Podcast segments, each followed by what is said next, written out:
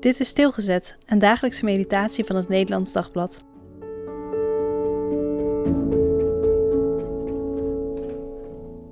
Familie. Efeziërs 2, vers 19. Zo bent u dus geen vreemdelingen of gasten meer, maar burgers, net als de heiligen en huisgenoten van God. Door alle eeuwen is het zo geweest. Een vreemdeling hoort er niet bij.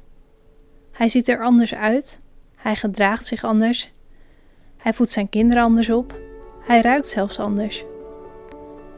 Een vreemdeling moet dus altijd op zijn hoede zijn.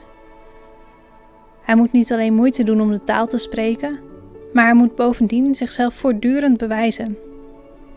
Hij moet vriendelijk zijn en intelligent en een harde werker. Bij het solliciteren wordt hij vele malen kritischer bekeken.